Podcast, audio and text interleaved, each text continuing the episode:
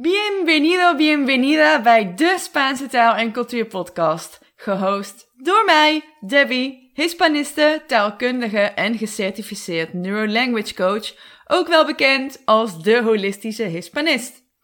Het is mijn missie om mensen dichter bij elkaar te brengen. In deze podcast help ik jou als zelfbewuste expert meer dan un poquito de español te spreken, zodat jij zult leven la vida local. Dit doe ik door het delen van tips en tricks over holistisch Spaans leren en daarnaast reis- en migratieverhalen van zowel mezelf als anderen. Veel luisterplezier!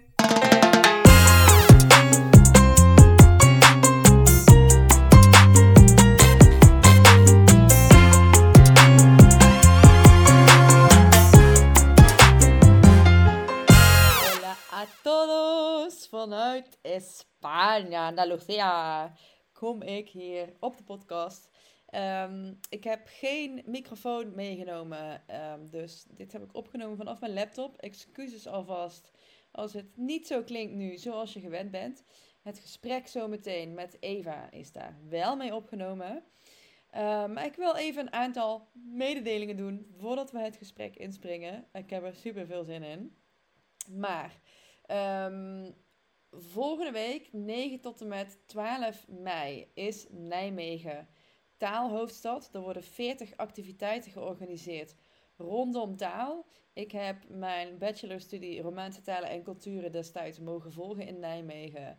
En ik ga daar zeker mezelf aanmelden voor een aantal evenementen, activiteiten. Ik heb daar heel erg veel zin in. Dus ik zal de link in de show notes zetten. Mocht je interesse hebben, meld je snel aan, want ze gaan snel vol zitten. En even nog in reactie op de podcast-episode van vorige week. Iedereen die zich heeft laten horen, muchas gracias. Wauw, ik ben echt overweldigd door ehm, het aantal oprechte, rake reacties. Ik mag een disclaimer, nee ja, disclaimer wil ik het niet noemen, want het systeem is nog steeds hartstikke, zeg je dat, gewelddadig en onterecht. Uh, maar um, de mensen waar het specifiek om ging, die opgepakt zijn in die situatie, zijn inmiddels vrijgelaten. Vrijgelaten tussen aanhalingstekens, want ze hebben wel op orders uh, moeten vluchten uit het land, anders dan kwamen ze de gevangenis niet uit. En laatste mededeling. Aanstaande zaterdag 30 april om 10 uur host ik een gratis workshop Spaans voor beginners. Zorg dat je erbij bent, dan klink je niet meer als een verdwaalde toerist de volgende keer dat je hier naar España komt. En dan gaan we nu het gesprek induiken met Eva. Veel luisterplezier. Welkom Eva. Eva Visser-Plaza. Zij is Nonons business coach voor succesvolle creatieve ondernemers, zodat ze vervulling, plezier en rust ervaren in het ondernemen en leven. En wij gaan een heel mooi gesprek hebben vandaag over, ik denk, zowel ondernemen als jouw leven hier in Nederland, in Spanje, de Spaanse taal. Een hoop onderwerpen waar ik het met jou over wil hebben. Dus ik zou zeggen, laten we erin duiken. Allereerst misschien even leuk om even iets over jezelf te vertellen. Ja, waar zal ik beginnen? nou, je hebt net al een hele mooie intro gegeven. Maar het gaat meer over mij als uh, uh, wat ik doe in mijn werk.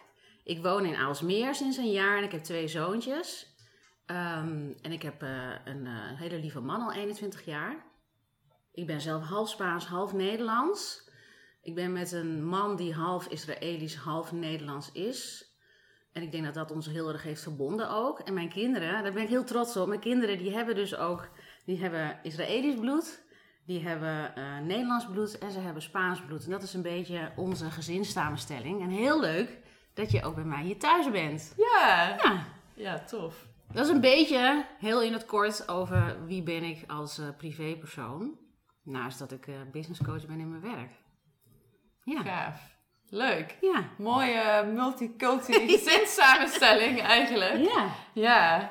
Ja, ik kan me voorstellen dat je dan uh, dat je heel veel aan elkaar hebt inderdaad. Als je allebei... Ja, zeg je, ik, ik, ik ben zelf wel uh, 100% NL. Ja. maar uh, omdat ik in het buitenland gewoond heb, heb ik altijd het gevoel dat ik met één been in Nederland sta en met één been in het buitenland, waar dat Ja. dan ook mogen zijn. Dus misschien, Ja. ja, herken je dat wel? Heel als je- herkenbaar, ja. ja. Ja. Ja. Dan moet ik zeggen dat, eh, kijk, ik ben opgegroeid in Doetinchem. Eh, ik ben geboren in 1976, dus inmiddels 46 jaar geleden. Mijn moeder is Spaans, mijn vader is Nederlands.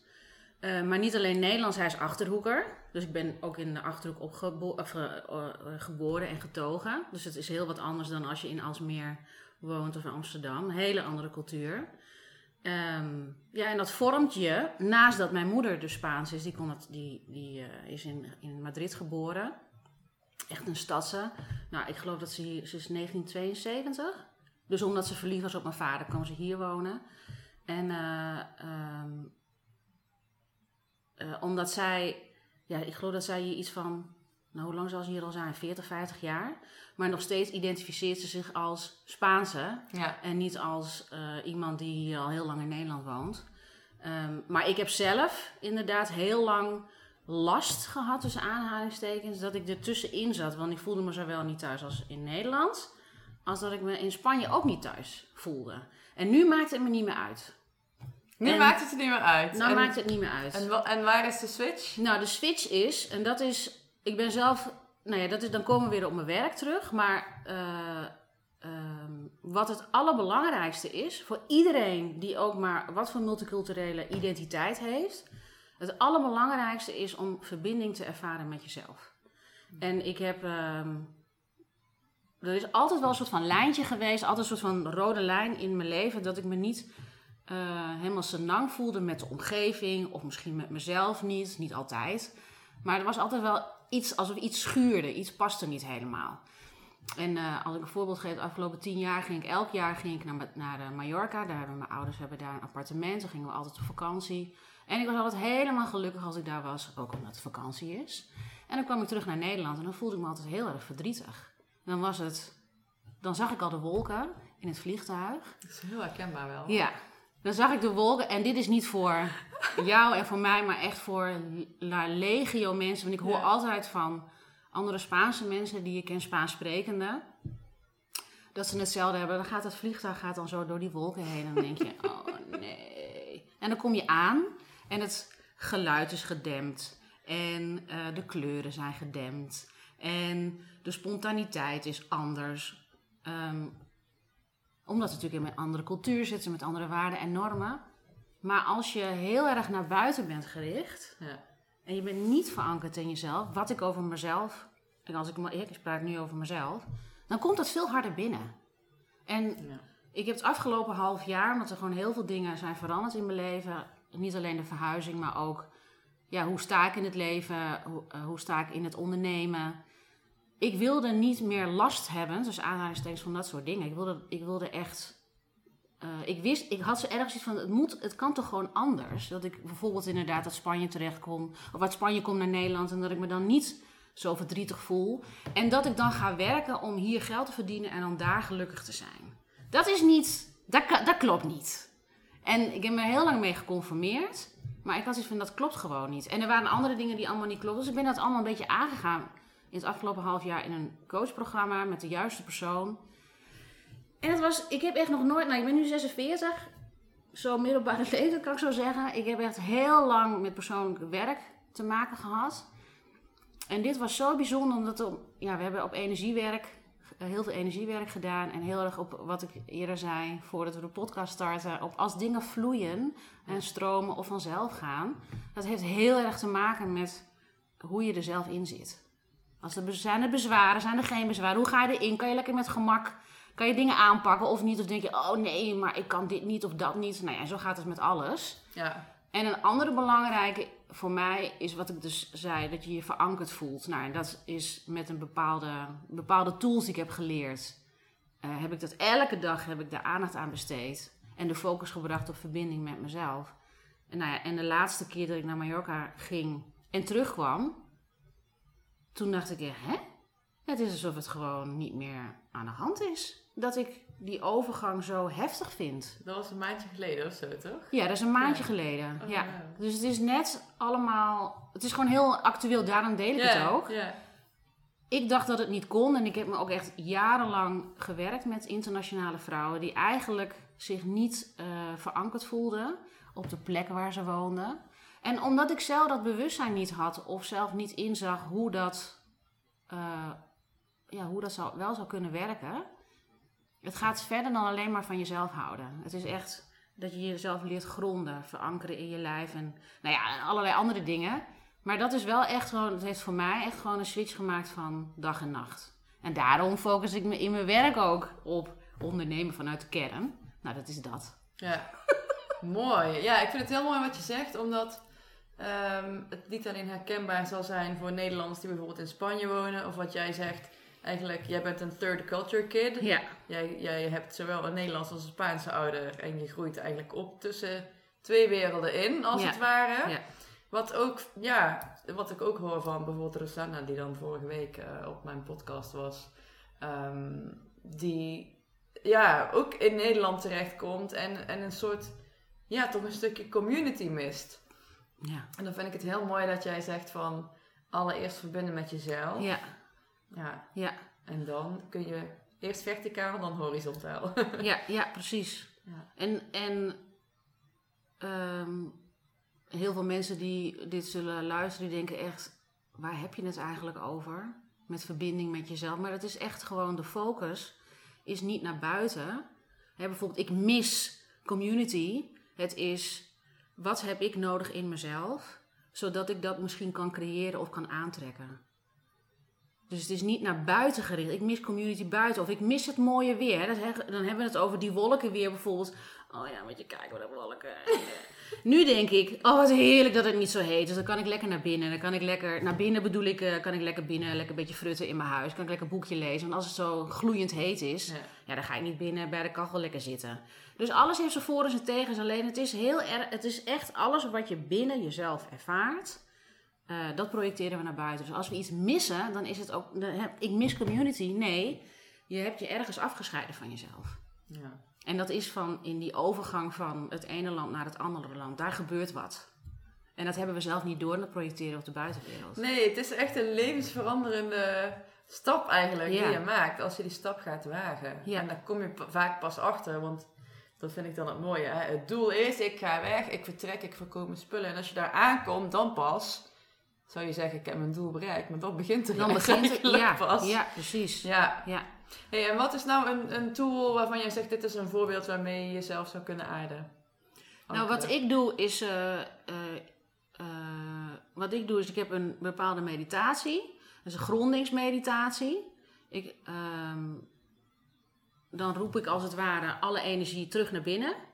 Dan zeg ik, alle energie mag terug naar binnen, terug naar binnen. En het is niet eens. Dus dat. ehm, voeten op de vloer, je lichaam voelen. En aarde, conne- connectie maken met de aarde. Ik kan het echt niet ik probeer alles altijd zo praktisch mogelijk te maken, maar dit is gewoon wat het is. Ja. Ik kan niet zeggen, het is. Hè, als, mensen, eh, als mensen dit luisteren, want ik heb zelf nog een soort van stemmetje in mijn hoofd. Ja, maar hoe kan je het nog helderder en praktischer maken? Dit is hoe het is. En als dit al zweverig overkomt, dan moet je bij jezelf te raden gaan of je ervoor open staat. En of je het niet iets eh, wegduwt. Dan is het nog makkelijker om niet in verbinding te zijn met jezelf. En nu hou ik me dus bezig. Is een voorbeeld van bezighouden met wat de buitenwereld vindt. Ehm, nu à la moment, dat ik dan ga denken bijvoorbeeld, wat, hoe komt dit over en hoe zullen andere mensen dit... eh, ehm, is het duidelijk genoeg? Maar het is of buiten zijn, eh, in de moestuin of in je, in je tuin, wandelen. Ehm, ik vind bewegen is voor mij ook essentieel. Als ik bijvoorbeeld beweeg, zit op de fiets en nu vooral met het mooie weer ben ik gewoon heel veel buiten. Ja, dan gebeurt er ook iets in jezelf. En, en het gevoel, ik denk dat mensen daar meer aan kunnen relateren. Doe iets wat, wat je ontspannen maakt. Ja. Dus niet op je telefoon. Pak gewoon een boek van papier. Eh, en ga naar buiten. Ehm, neem even 30 minuten de tijd om eh, gewoon te wandelen in de natuur. Zonder podcast, zonder telefoon. En even die stilte. En dan zul je merken dat je je tussen aanhalingstekens geaarder voelt. Je voelt je gewoon kalmer. Dat is eigenlijk aarding. Kalmer voelen en stevig. Sommige mensen die vinden het leuk om een boom te huggen of ernaast te gaan. Dat kan ook helpen. Dat doe ik zelf niet, maar dat kan ook helpen. Ja. Maar mediteren is voor mij wel echt, dat doe ik elke dag. Ja. Mooi. Ja. Ja, knap ook een momentje voor jezelf. Vind ik altijd. Ja? ja, ja. Ja, daarin heb ik dus een. Ik heb bijvoorbeeld intenties gezet. Ik zet mezelf op nummer 1. Hè, omdat ik dus graag dingen wilde veranderen. Ik voelde me echt niet zo lang van de zomer. Ik weet nog dat ik op een bepaald moment. Zat ik naast Jimmy, zat ik op, de, ehm, zat ik op bed. En ik, en ik ging tegen hem tekeer. En ik wist, oh ja, als ik tegen hem tekeer ga, dan is het eigenlijk omdat er iets in mij niet helemaal lekker zit. En dan ga ik dan op hem afreageren. En ik zat op dat bed en ik dacht echt, waar ben ik beland? Ik voelde zo'n vervreemding in mezelf. En ik ben nota bene coach en ben bezig met persoonlijk werk en met mensen begeleiden in burn-out, herstel en leiderschap. Dacht ik, wat is hier aan de hand, joh? Dus ik had een gevoel, ik, laat, ik heb niks te verliezen. Maar ik wil wel mijn leven helemaal compleet omgooien. En vooral in hoe ik dingen benader. Dus ik had voor mij de intentie gezet. Ik wil mezelf op nummer 1 zetten en mijn welzijn. En ja, wat zijn vijf minuten? Ja. Dus in plaats van mijn huis het opruimen. ja. In plaats van eerst mijn Ja. huis opruimen, is het eerst mediteren. ja, Dus het zijn prioriteiten. Ja. Ja. mooi. Ja, super. Hey, en even terug naar jouw, eh, jouw kindertijd. Je zegt, ik ben opge- eh, opgegroeid eh, in de Achterhoek met een Nederlandse vader en een eh, Spaanse moeder. Mhm. Ehm, werd er bij jullie in huis ook Spaans gesproken? Heb jij van, van jongs af aan eh, de, de taal gesproken? Ik heb. eh, mijn moeder heeft altijd Spaans gesproken. Altijd. Ehm, ik heb nog twee andere zussen. Dat zeg ik omdat ze alle, dat we alle drie hebben een andere eh, eh, verbinding met de taal. Ik schijn tot mijn vijfde gewoon Spaans te hebben gesproken. Wat ik nog weet, van als je nog herinneringen hebt van, eh, was het dus dan na mijn vijfde of zo, weet ik nog dat er woorden waren, Spaanse woorden waren, die, ik al, die, die zei ik altijd in het Spaans. Zoals palomitas, popcorn of olivas. Dat zei ik ook in het, eh, in het Spaans. Dus het was een soort code switching wat we gebruikten. Mijn moeder sprak altijd Spaans, mijn vader sprak Nederlands. Ehm, nou ja, ik denk, ik, ik heb mijn andere zus nooit, toen ze jong waren, Spaans horen spreken. Pas toen ik 18 was en naar Spanje vertrok, naar Mallorca. Toen heb ik daar de eerste negen maanden, nou ja, eh, ik weet nog, na negen maanden kwam ik terug en toen sprak ik gewoon Spaans met mijn moeder. Ehm, nou is het ook zo dat ik een tijd echt gewoon wel een hekel heb gehad aan het Spaans, omdat ik, we moesten naar Spaanse les op woensdagmiddag. We moesten, toen was ik zeven, mijn zus die was een jaar jonger, we moesten naar Spaanse les en dan hadden ze van die verschrikkelijke boeken van het Ministerio de, Edu- de Educación. Hadden ze echt, er waren geen, zaten geen plaatjes in.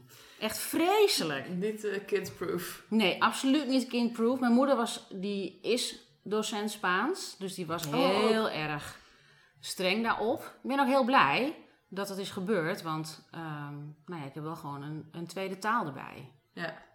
Ja. Ik vind het wel heel grappig dat je dit nou aankaart. Want mijn dochtertje is bijna zes. En die heb ik afgelopen jaar ook op Spaanse les gezet. Ja, Maar ze vond het helemaal niet leuk. nee. Dus ik zit ook een beetje in een tweestrijd. Van, Ja. is het, moet ik het doen en gaat ze me later dankbaar zijn? Ja, Maar ja, dat ik denk, ik, ik kan haar ook niet forceren dit te gaan doen. Dus ik heb er nu maar weer eraf gehaald. ja, In het vertrouwen dat, eh, mocht ze het ooit willen leren, hè, dan is dat aan haar. Want, maar ja, ik, ik begrijp eh, ja. ja, de situatie, hoe dat geweest moet zijn voor jou. Ja, Ik begon het trouwens pas te waarderen op het moment, ik was 14 en ik zat op toneel, ik deed een toneelcursus. en er waren wat oudere meiden van 17, 18 jaar, ik was de jongste. En dat toneelstuk ging over, eh, hoe heet het ook alweer, La Casa de Bernarda Alba van Federico García Lorca. Ehm, en ze wilden een soort Spaanse toon. Dus mijn regisseuse die eh, zei, nou als jij dan een beetje gaat Spaans brabbelen en dan ben jij die gekke oma en je gaat Spaans kletsen en je gaat een beetje Spaanse liedjes zingen, dan hebben we dat, dat, die Spaanse toon. En die dames, die waren allemaal helemaal gecharmeerd van mij en van dat Spaans. En toen dacht ik, oh, het is eigenlijk wel gewoon heel speciaal. Ik bedoel, in Doetinchem.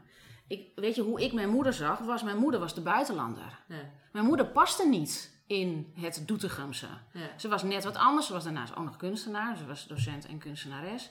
Ze deden altijd alles op een andere manier en ook nog een andere taal.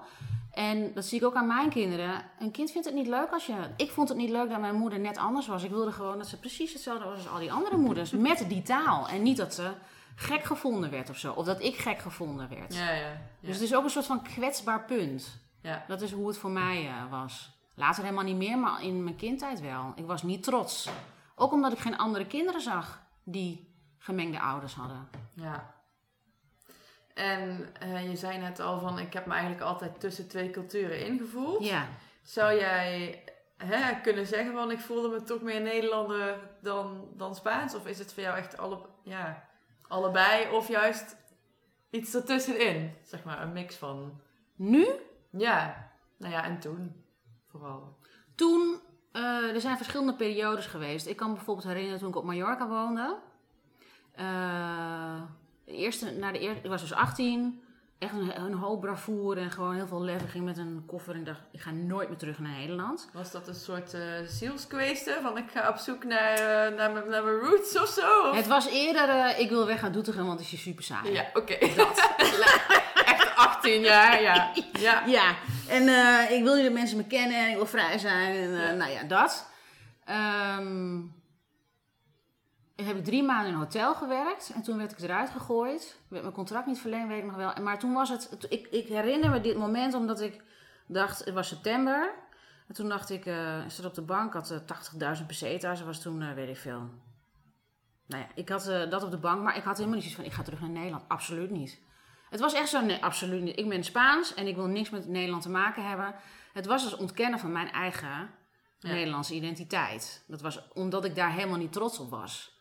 Ik vond dat maar... En dat hoor je vaker in de Spaans sprekende cultuur. Hoor je ook heel vaak, en ik hoorde dat ook een beetje in het eh, interview wat je had met Rosanna. Mm. Ehm, we hebben over en weer tussen Nederland en Spanje zijn er gewoon oordelen en Ja. stereotypen. En he- er is heel veel nou ja, pijn of ongemak voor een Spaans sprekende die meer een collectieve cultuur heeft, Ja. community. Als hij naar Nederland komt en dan komt er koudheid. En ik, hoor, ik heb zelf heel vaak ervaren dat, eh, dat ze zeggen: ja, maar die Nederlanders zijn heel koud. En als, dan wil ik daar dus niet bij horen. Ik wil niet horen bij de koude kant. Ja. Hè? Als ik wilde geaccepteerd worden door de. Spanjaarden. Ja, ik wilde geaccepteerd worden door die Spanjaarden. Dus wat ga ik doen? Ik ga die Nederlandse kant ontkennen. Ja. Terwijl nu kan ik zien, ja, weet je, we zijn net zo gevoelig of ongevoelig als wie dan ook. Alleen, er is hier gewoon een heel groot stigma op je gevoelens uiten. Dat Ja. heeft te maken met geschiedenis, met religie, et cetera. Eh, maar dat hoeft niet te, te zeggen dat ik zelf meega in als iemand anders de cultuur niet ten diepste kent. Ehm, net zo goed hè, van een Nederlander naar een Spanjaard. Ja. Want in de tienerjaren vond ik het heel lastig, dat Spaanse stuk, omdat ik als, nou en als Jimmy dit hoort, die gaat echt keihard lachen, maar temperamentvol, dat woord haat ik, omdat dat heel erg bestempeld wordt op de, ja, de Spaans sprekende cultuur. Oh, dat zijn allemaal temperamentvolle mensen. Het bestaat niet eens dat woord in, Ja. in het Spaans. Eh, ja. Tiene karakter, maar niet tiene temperamento. Dus tiene karakter, tiene personaliteit. Ja, we, hebben, we zijn wat uitgesprokener Ja. in de taal. Wat vrij gevochten. Er zijn wat minder beperkingen op hoe je je uitspreekt en hoe je je toont. Ehm, dus als je daarin manoeuvreert, en je kent beide culturen, het is ook een soort van vorm van acceptatie. Ja. Maar of ik mijn Nederlands en Spaans, ja, ik ben een product, ik ben een product van mijn ervaringen, van mijn ouders. En ik ben daar trots op. Ja. ja. Mooi. Ik voel me niet het een of het ander. Dit is mijn resultaat. Nee, en dat vind ik ook een mooie, inderdaad. eh, eh, ja, ja, precies wat je zegt. Ik ben de, de opsomming van mijn ervaringen. zeg Ja, ik ben de Ja. opzomming. Nou, dat is een hele mooie. Ik ben de opzomming van mijn ervaringen, van mijn opvoeding. Kan ik niet negeren. Ik ben er trots op. En dat is Ehm, heel uniek en eigen, Ja, natuurlijk. Dus- ja zeker. ja. En eh, op zielsniveau zal daar vast wel allemaal een reden voor zijn. Ehm, maar nu heb ik er echt wel gelukkig van vrede mee. Dat ik denk, weet je, het is helemaal goed. Ja. Gaaf. Hey, en hoe was het voor jou om op je 18e naar Mallorca te gaan? Ehm, ik denk dat ik in deze podcast voor het eerst heel eerlijk ga zijn. Het was echt super gaaf, want het is daar 300 dagen zon. Dus dat is sowieso helemaal de bom, dat het gewoon heel veel zon is. Eh, we wonen nou, ik woonde toen in het appartement van mijn ouders, van onze familie. En dat had uitzicht op zee. En dan de hele baai van het plaatsje waar ik woonde. Dus het was, qua uitzicht was prachtig. Ik had een appartement voor mezelf.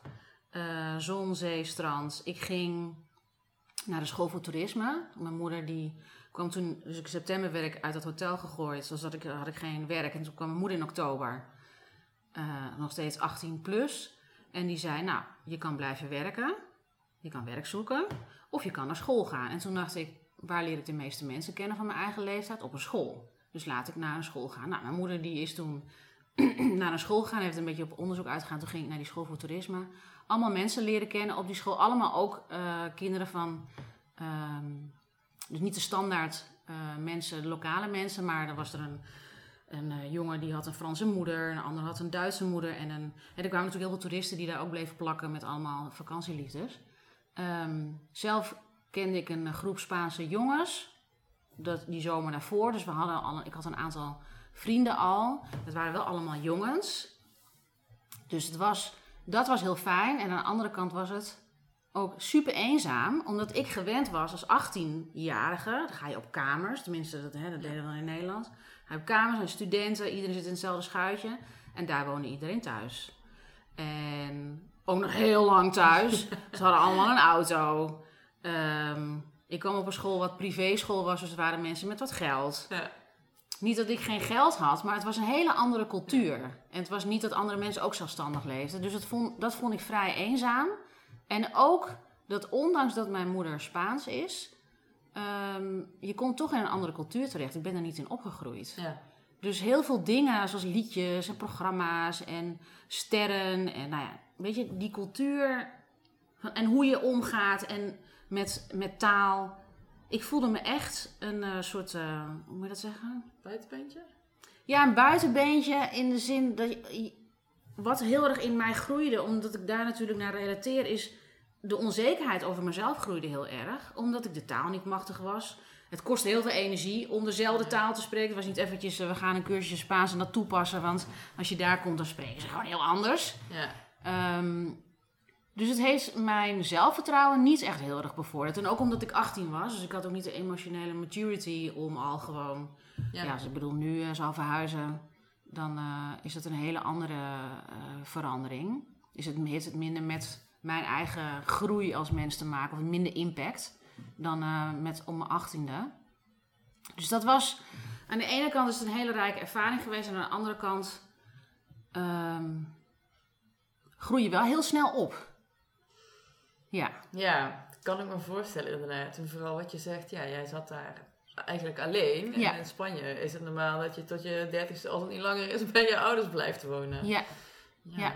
En ik had niet uh, door Um, ja, en de, ook de, ik vond de emotionele volwassenheid van mensen van 18 vond ik gewoon niet helemaal hetzelfde als hier in Nederland. Omdat we gewoon toch zelfstandiger worden opgevoed ja. in, in dit land dan daar. Ja. We hebben het ook over een hele andere tijd. En het is, ja, het is echt een cultuurverandering. Het is echt, een andere, het is echt gewoon een andere cultuur, ook in die, in die uh, leeftijdspannen. Het zit er wel echt in de details ook, ja. Wat je zegt van tv-programma's, celebrities, uh, uh, nou ja, los van de taal alleen al. Ja. Um, ja, dat het, het zijn eigenlijk puzzelstukjes die in elkaar moeten vallen. En je merkt dat er een hoop gaten zitten. Ja. Als je dan zo... Maar ook de, de cultuur, hè, hoe je nadenkt over dingen, hoe je dingen doet. Um... Kijk, ik weet nog dat ik na negen maanden kwam ik bijvoorbeeld terug voor de twee weken vakantie. En wat mij heel erg opviel was. Uh, dan kwam ik bij een vriendin en dan vond ik het gewoon een beetje een rot. Ik vond het een beetje een rotzooitje. Kijk ik even vanuit hoe ontvang je gasten. Ja. Nou ja, ik, ik kan niet de boel de boel laten. Dan geef ik even een heel stom voorbeeld, omdat ik het vanmorgen hetzelfde heb gedaan dat jij hier komt. Ik vind, ik vind het ongasvrij als mijn huis een rommeltje is. Maar dat is echt voor mij, uh, is dat iets vanuit wat ik ken van de Spaanse cultuur. Als er mensen komen, er is eten, er is drinken. Het is gewoon... Nou ja, de omgeving is prettig en comfortabel. Warm, je, ja. Ja, je laat niet... En je laat ook niet de vuile was buiten hangen, maar ook niet letterlijk. Je gaat dus niet allemaal dat in het oog laten zien. Ja. Um, ja, en, en ze zijn ik kan er niet eens opkomen. Er zijn zoveel dingen die we niet meekrijgen in een taalkursus die, Ja. waardoor je kan begrijpen hoe die zo'n cultuur in elkaar steekt. En ik vind het heel leuk dat jij daar aandacht aan besteedt, want eh, zonder dat ga je een cultuur nooit leren kennen, maar ook niet ehm, echt communiceren met elkaar. Want de communicatie is niet alleen maar woorden, het is ook kunnen we elkaar begrijpen door de woorden heen. Ja, het is, eh, ik zeg ook vaak, eh, de, de energie waarin jij, waarmee jij in een gesprek komt opdagen, ook al ben je je de taal nog niet machtig, Ja, die zijpelt door, Oh, door ja. de woorden heen. ja, Dus als jij heel onzeker bent en bang bent dat je fouten maakt, en fouten ga je maken, ehm, maar het al opgeeft eigenlijk voordat je je zin af hebt en maar meteen je telefoon pakt en Google Translate, weet je dan, dat is al zo anders voor jezelf. Dat is eigenlijk een bevestiging voor jezelf van ja, zie je wel, kan het niet, het is te moeilijk. ja, Ze begrijpen mij toch niet. ja, Terwijl als jij gewoon, ook al gebruik je hele werkwoorden, gebruik je, weet ik veel, verkeerde lidwoorden, ehm, maakt niet uit. Als jij kunt communiceren, en ik weet ook in het begin, ehm, ik was nog pre-smartphone Mhm. ook. Ik liep met mijn woordenboek in mijn handen in mijn gastgezin. Het zijn inderdaad die kleine dingen. Ehm, voor mij was het heel raar om. af en toe hadden we geen water. Mhm. Nooit in mijn leven meegemaakt. En ik ben mijn hele jeugd in, in Spanje op vakantie geweest. Mhm. Maar ja, dat was wel even dat ik dacht, huh? Het is toch Europa? Het is, toch Ja. niet, het is geen, weet je wel? Dat waren dingen dat ik dacht, oh ja, maar dat is nieuw. En dat je moest nadenken over wat, hoe laat je ging wassen.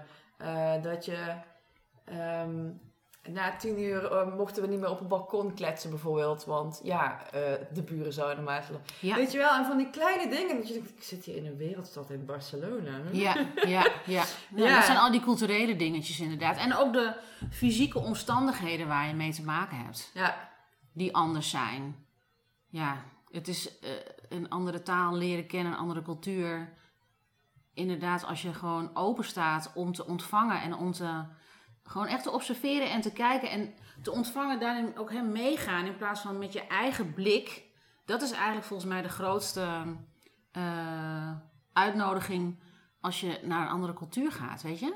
ja. Want we kijken heel erg met de bril van waar Ja. we zelf mee zijn opgegroeid. Daar komen de stereotypen vandaan, de oordelen. Maar het maakt ook dat je niet echt kan kijken, wat gebeurt hier? Wat, wat, hoe doen zij het? Weet je? Ja, En dat is waar ik dus ook trots op ben. Dat omdat ik, ik ken alleen maar twee culturen, hè. Ja. Ehm, en dat is ook heel verfijnd. Ehm, moet je nagaan als je meerdere culturen kent. En, en, en ja, dat je dus ziet, er is niet één waarheid. Ja. Ja. Wat ik leef is mijn waarheid. En die mag, die mag zich aanpassen. Die mag... Ja, Ja. Ja. ja, bijzonder is dat. Ik vind dat echt als je de stap maakt naar het buitenland.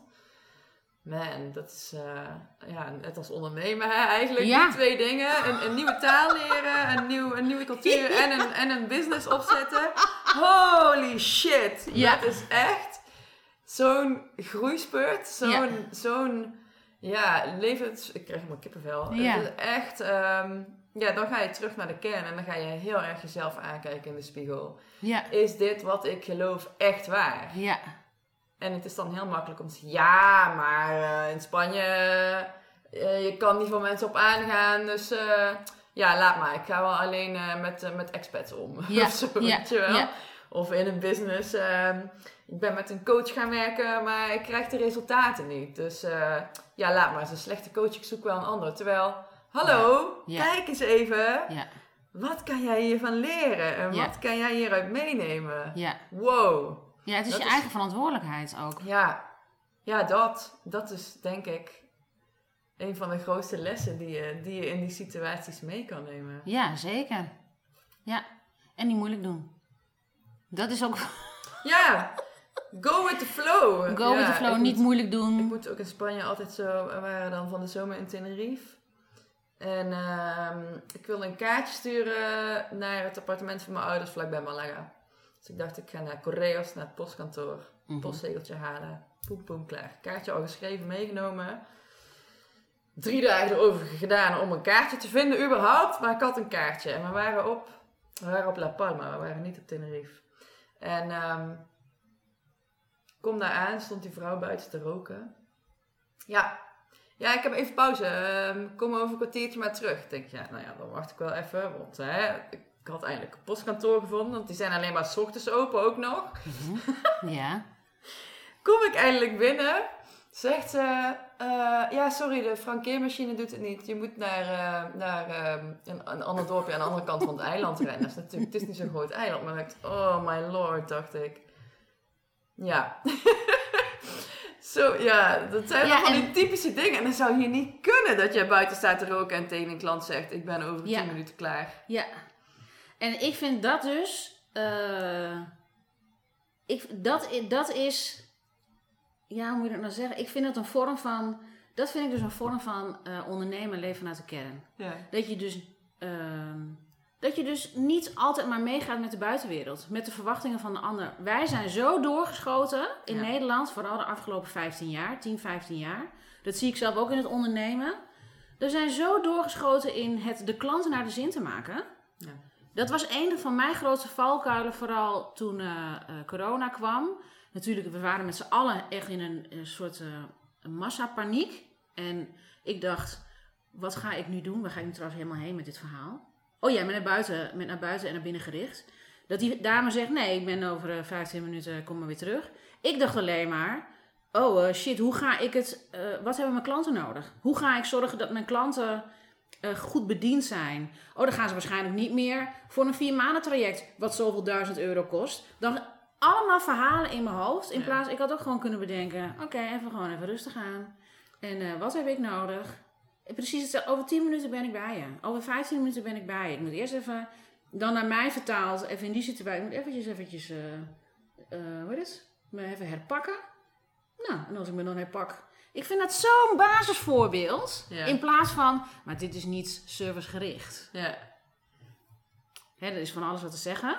Maar in de basis denk ik, ja, zo kan je het ook. Je kan hem ook nemen als, kom over 10 minuten maar terug. Ja, nu, eh, de ding is kapot. Ja. Dus, ja, dan moet je nu moeite doen om even naar, of niet moeite. Dus, oh, natuurlijk, pak even gewoon Ja. de auto en ga daar naartoe. Dit En is wie een wat situatie ligt buiten mijn kunnen. Succes ermee. Ja, Het maar, hoeft niet iedereen's vriend te zijn. precies. Ik ben hier om degene te dienen die kan dienen. Ja. En als ik je niet kan dienen, Ja. maybe I'm not yours today. Ja. Precies. Ik hoef niet aardig te doen om het aardig te doen. En dat vind ik, dat vind ik een van de dingen die ik super aantrekkelijk vind van de... Wat van wat ik ken, ik ken de eh, Latijns-Amerikaanse cultuur niet. Tenminste, de Latijns-Amerikaanse cultuur zijn in verschillende landen. Eh, maar de Spaanse cultuur is wel meer... Dit ben ik en dat ben jij. En we hoeven niet aardig te zijn. Een ander voorbeeld is... Wat ik zo... Dat vind ik wel echt heel heerlijk. Ehm, maar het is maar hoe ik me daar zelf naar gedraag. Als ik bijvoorbeeld afspreek met mensen in Spanje om naar de film te gaan. En dat doen we niet eh, twee weken van tevoren. Dat zeggen we misschien twee dagen van tevoren. Oh, eh, dan is het filmavond. Ehm, je hebt altijd zo'n dag van de film. Het 3,90 euro om naar de film te gaan. Nou, laten we dan gaan. Als ik die ochtend zeg, ja, ik heb geen zin. Dat wordt helemaal niet persoonlijk genomen. Nou, dan heb je geen zin. Het is niet een vervloeiing, Ja. weet je. En hier is het, wat ik vaak heb ervaren, dat mensen op, eh, zich op een teentje getrapt voelen omdat het gepland staat. En eh, het moet dan doorgaan. Of het wordt persoonlijk genomen. En dan denk ik, ja, maar het heeft niks met jou te maken. Het heeft meer te maken met wat ik fijn vind. Ja. En dat is dan niet aardig, tussen aanhalingstekens. Ja, en daarin kan ik dus zeggen, daarin ben ik dan meer Spaans Ja. dan dat ik Nederlands ben. En het stuit me tegen de borst Ja. om... Ik word dan zelfs gewoon rebels van als eh, mensen dan zeggen... Oh nee, maar... Ik zeg, ja, sorry, maar eh, weet je, dit is het. Take it or leave it. Ja, Oh, heerlijk. Ja, en dit vind ik echt leuk. Want ze zeggen dat juist Nederlanders die heel direct zijn, maar... nee. Nee, Nee, helemaal niet. ben ik helemaal achtergekomen Ja. eh, door, door deze interviews eigenlijk. En dat vind ik Ja. super leuk. Ik heb voor mijn bachelor of master, voor mijn bachelorscriptie, ja, heb ik eh, onderzoek gedaan. Dat is heel kleinschalig hoor. Ik heb geen algemene conclusies kunnen trekken. Naar eh, verschillen in beleefdheidsvormen tussen de Spaanse taal uit Spanje en, en in het Nederlands. Mhm. En in het Nederlands hebben wij heel veel van die kleine nuancerende woordjes. Een van de boeken die mij heeft geholpen bij dat onderzoek eh, is een boek van Henk, Henk Haverkorte. Zou ik alsjeblieft misschien nog een klein vraagje kunnen stellen? Geweldig! Hoe zou een Spanjaard dat zeggen? Ja, weet je, al die kleine woordjes. Misschien zou nog eens een mini... eh, die hebben ze niet in het, in het Spaans. En daar is het ook gewoon heel erg straight to your face. Ja. Dus ik, ik vond het zo grappig om alleen al in de taal te zien... ehm, Ja. ja, Ja. dat dat heel anders, eh, anders benaderd wordt. Ja. Net zoals, mag ik een koffie alsjeblieft? Dan zeg je niet, un café por favor. Dat mag je zeggen, maar het is gewoon un café. En het is veel meer, en dat merk ik ook, mensen reageren in Spanje veel meer op de non-verbale communicatie. Ja, Dat is ook een van de regels als ze dan de talen vergelijken. Eh, in het Nederlands kijken ze veel meer naar wat je zegt, dan dat je hoe je het zegt. veel letterlijker, ja. Ja, en dat is ook ehm, een bepaalde, ik weet even niet, maar daar heb je een bepaalde parameter voor. Eh, hebben andere talen hebben dat ook. En in het Spaans is het veel meer hoe je het zegt. En daar reageren mensen op. Ik heb er men op gaan letten. Ja. Was de afgelopen vakantie, of tenminste eh, vakantie, mijn verblijf daar, was het ook zo dat mensen zijn ook veel eh, behendiger met, ehm, ehm, hoe moet ik het zeggen? Empathie. Ja? Veel behendiger in het wat wil jij, wat heb ik nodig. Ik weet niet wat de reden ervan is, maar het is wel echt dat ze veel meer lezen wat de non-verbale communicatie is. Ehm, en daar gaan ze dan ook over praten en aanhaken. En niet zozeer wat je zegt. Ja. Ja, maar wij zijn ook bijna... Wij zijn niet non-verbaal in Nederland.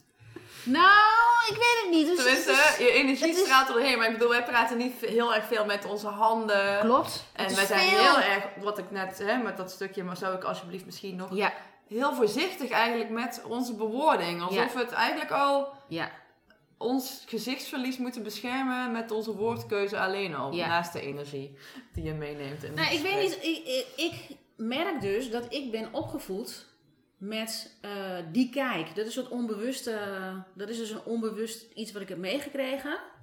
Dus ik reageer als een Spanjaard, als Nederlandse, reageer ik, heb ik heel vaak gereageerd vanuit wat ik zag.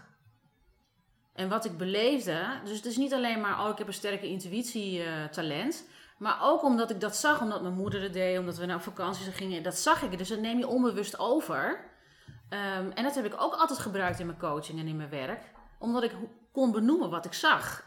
Mooi. Ik weet dus ook niet hoe het is. Dat weet ik niet hoe het is als Nederlander. Daar, heb ik, ik, daar heb ik geen gevoel bij.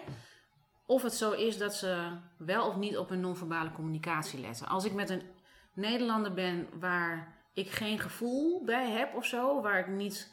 Dat is heel eenzijdig gericht. Dus er is weinig interesse van de een naar mij toe. Dan snap ik ook niet wat er gebeurt in die ander.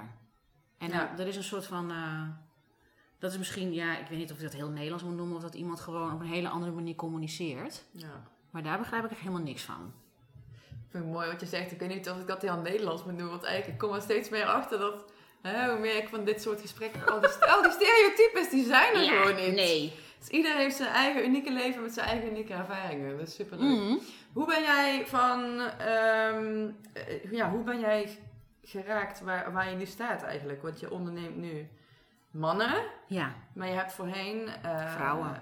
Vrouwen gecoacht. Je hebt ook nog Spaanse les gegeven, als ik goed begrijp. ja, ja. Oké. Hoe, hoe, hoe is dat pad een beetje?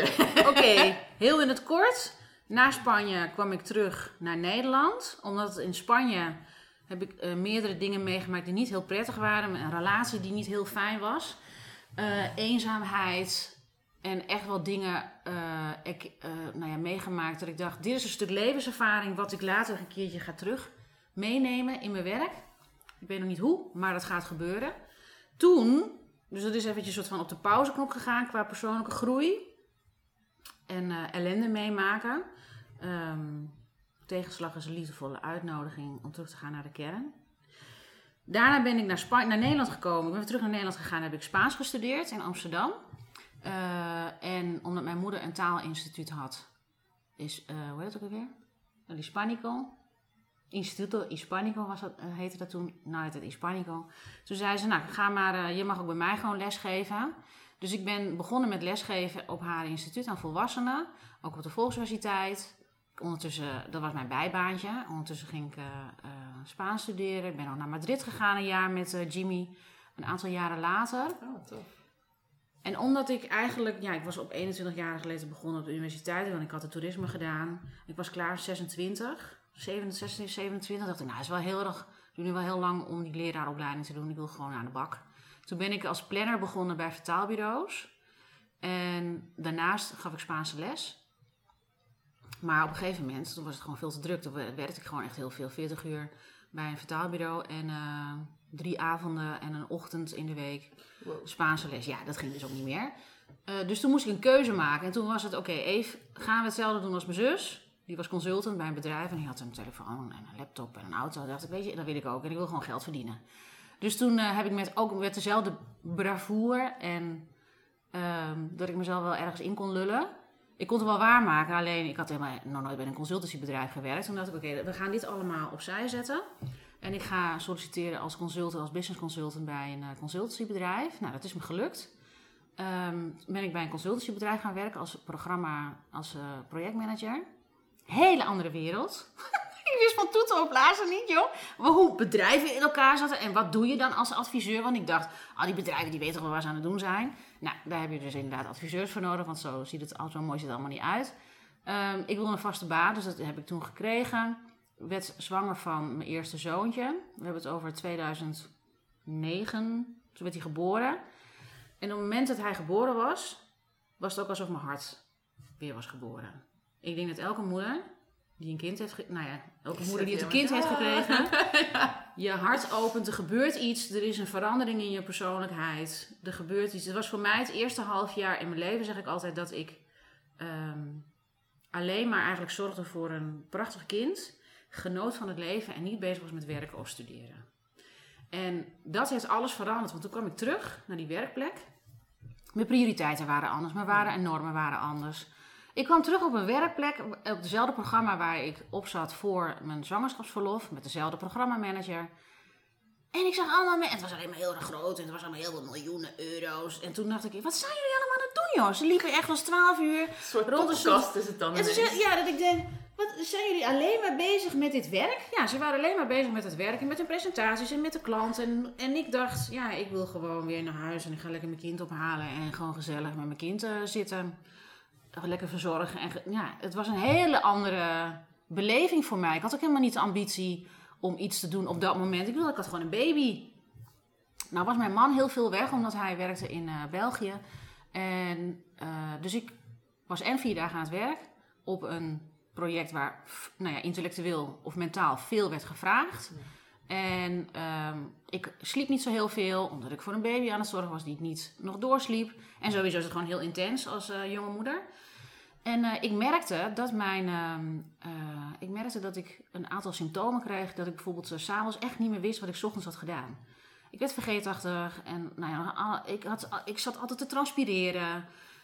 Um, ik werd kribbig, maar ook was helemaal niet scherp. Dus vooral mentaal merkte ik, ik snap niet helemaal wat er met me aan de hand is, maar ik ben niet dezelfde consultant op mijn werk als voor de zwangerschapsverlof. Niemand heeft mij verteld dat je ontzwangert. Niemand heeft me verteld wat voor een impact het is om überhaupt een kind te hebben. Um, dat je hersteltijd nodig hebt. Nou ja. Dus ik zei tegen mijn programmamanager, die vrouw was. En dit, zal, dit is iets wat ik nooit zal vergeven. Um, ik vertelde tegen haar: uh, Ja, het, ik voel me niet helemaal zo lang op mijn werk. Het gaat niet helemaal lekker. Zei, oké, ik zal er rekening mee houden. En waarschijnlijk heeft het gewoon te maken met dat je gewoon... Hè, in deze nieuwe fase van je leven moet je gewoon alles, moet alles nog een beetje settelen. En ook je hebt gewoon fysiek weinig hersteltijd. Oké, wat gebeurt er drie maanden later? krijg ik een hele slechte beoordeling. Ik zeg, nou, dat vind ik een dolk in mijn rug, want je beoordeelt mij op uh, performance. En ik had al aangegeven dat het niet goed met me ging. Maar ik kreeg ook geen aanreiking met, hoe kan het dan wel? Hè? Ja. Nou, toen ging ik op een rustig programma, maar ook gingen er bij mij allerlei bellen af van, weet je, dit gaat er gewoon niet worden. Ik voelde me ook niet ondersteund. Um, het ging echt alleen maar over business, business, business. En niet zozeer over hoe kan jij als, en dat was in mijn situatie als jonge moeder, maar het kan ook zijn dat je. Uitwisseling. Nee, maar het kan ook zijn bijvoorbeeld dat je man overlijdt. Ja. Of je vrouw overlijdt. Of je zit in een heftige scheiding. En dat dan je werkgever je ergens ook kan, in kan ondersteunen. Ja. In plaats van ook nog eens keihard op je performance uh, beoordelen. Toen ben ik met een coach in aanraking gekomen, loopbaancoach. En via haar kwam ik in aanraking met rebalancing, met het lichaamswerk.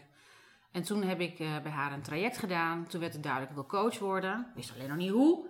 Toen heb ik wel die opleiding gedaan van drie jaar. Inmiddels kreeg ik een tweede zoontje. En ik ging ook eigenlijk... ehm, ehm, ik merkte dat het gewoon totaal niet meer werkte op mijn werk. En dat ik druk op mijn oren kreeg. Het was eh, een half jaar of nou ja, een tijdje later. Ik geloof een half jaar later. Het kon gewoon niet meer. Het paste niet meer. Het was soort het gewoon... Koek Ja. was op. Koek was op. De verkeerde plek, verkeerde... Dat was gewoon niet aligned. Eh, toen heb ik me ziek gemeld. Ben ik uit dienst gegaan. Die opleiding gedaan. Kindje gekregen. Tweede kind. En toen ben ik met mijn eigen praktijk gestart. Met lichaamswerk.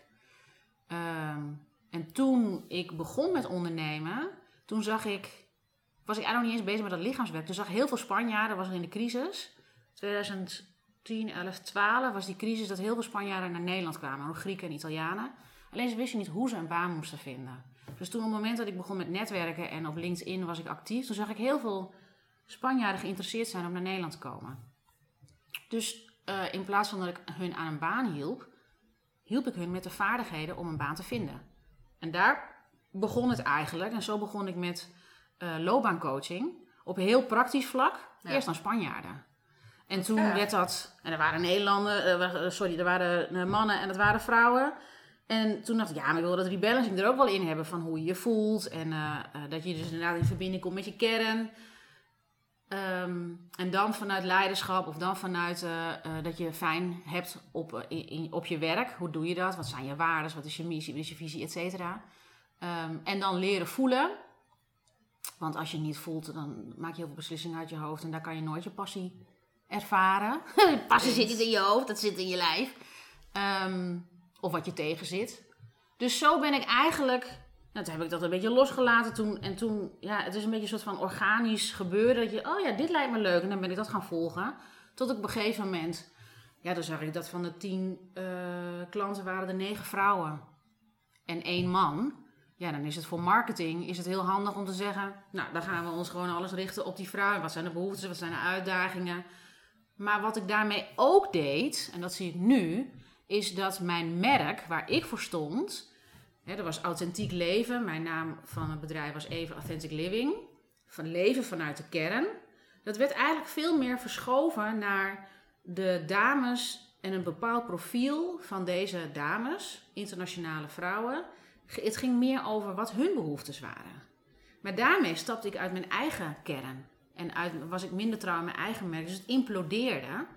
En als ik dan twee jaar geleden, toen was ik dus helemaal alleen maar bezig met wat is dan hun behoefte en wat zijn dan de producten die ik voor hun kan maken. En dat is mijn grootste valkuil geweest, ook als een ondernemer, dat het belangrijk is om echt telkens stil te staan, past dit bij me of past dit niet bij me? Ja. En dat klanten wel of niet bij je passen, dat bepaal jij. Niet de klant. En dat is echt een heel groot verschil. Want ik liep leeg op een gegeven moment op klanten.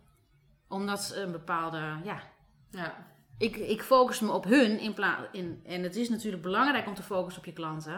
Maar er is een verschil of je helemaal focust op je klanten. Of dat je gewoon nog steeds zelf ja, in, je, in je eigen kennis staat. Dat je duidelijk hebt, maar dit is mijn visie, dit is mijn missie. Dat je dus ook heel oncomfortabel bent voor anderen. Want dat is je werk ook. Ja. Moet soms oncomfortabel zijn voor mijn klanten. En dingen zeggen die ze niet leuk vinden. Nou, heel lang verhaal. Ja, mooi. ja, Maar goed, we hebben het over een, een, spanne van Ja. tien jaar. En, en nu, en het is wel grappig, want ik heb afgelopen jaren echt wel eh, business owners of eh, ondernemers gecoacht vanuit de kern.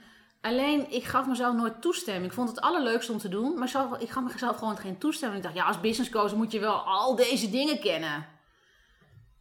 Ja, maar die ken ik ook ondertussen eigenlijk al wel. Het is alleen maar jezelf kleiner maken. Dus daarin Ehm, is het, ja, heb ik mezelf toestemming gezet en heb gezegd, ja, maar wat, waar word ik nou het blijste van? Waar wil ik het meest over leren en waar wil ik mensen in begeleiden? En dat is dat ondernemen, want alles is eigenlijk bij mij ondernemen. Inderdaad, naar Spanje gaan, weer teruggaan. Weet je, het is, het, he- het is allemaal gewoon jezelf heel erg willen uitdagen in het leven. Dat is voor mij ondernemen. Gaaf. En nu neem je mensen ook mee naar Mallorca, toch? Ja, nu neem ik mensen ook mee naar Mallorca. Hoe gaaf.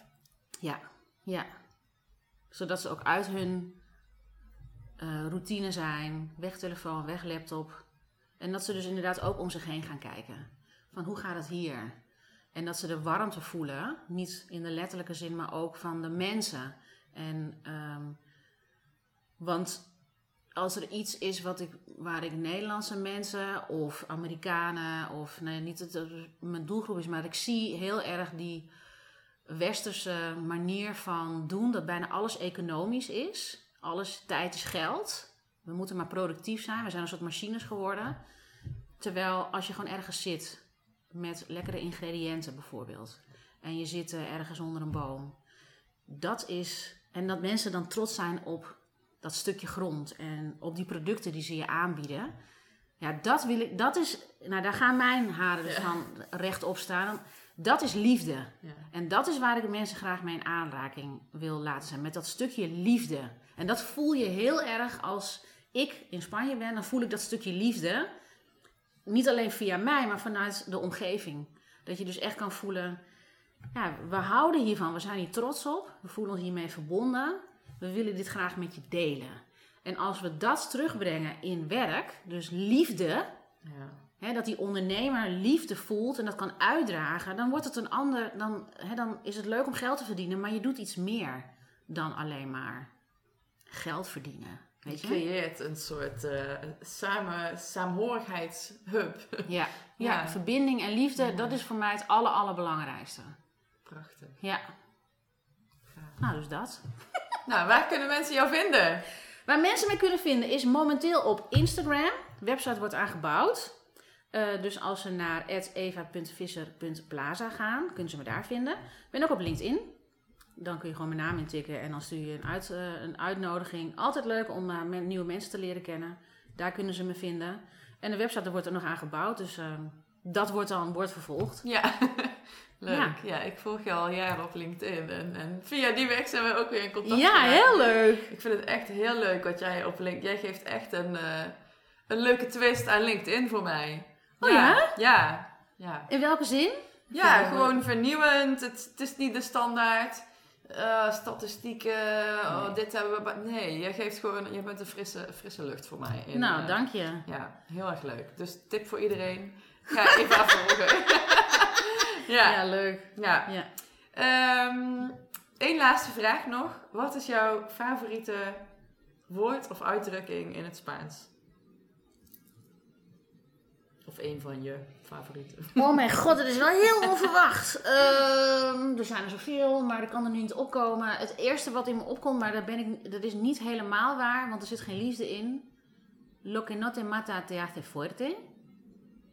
Ehm, wat je niet doodt, dat sterkt je. Maar met de intentie dat, wat ik eerder al zei, tegenslag is een liefdevolle uitnodiging van het leven om naar de kern te gaan.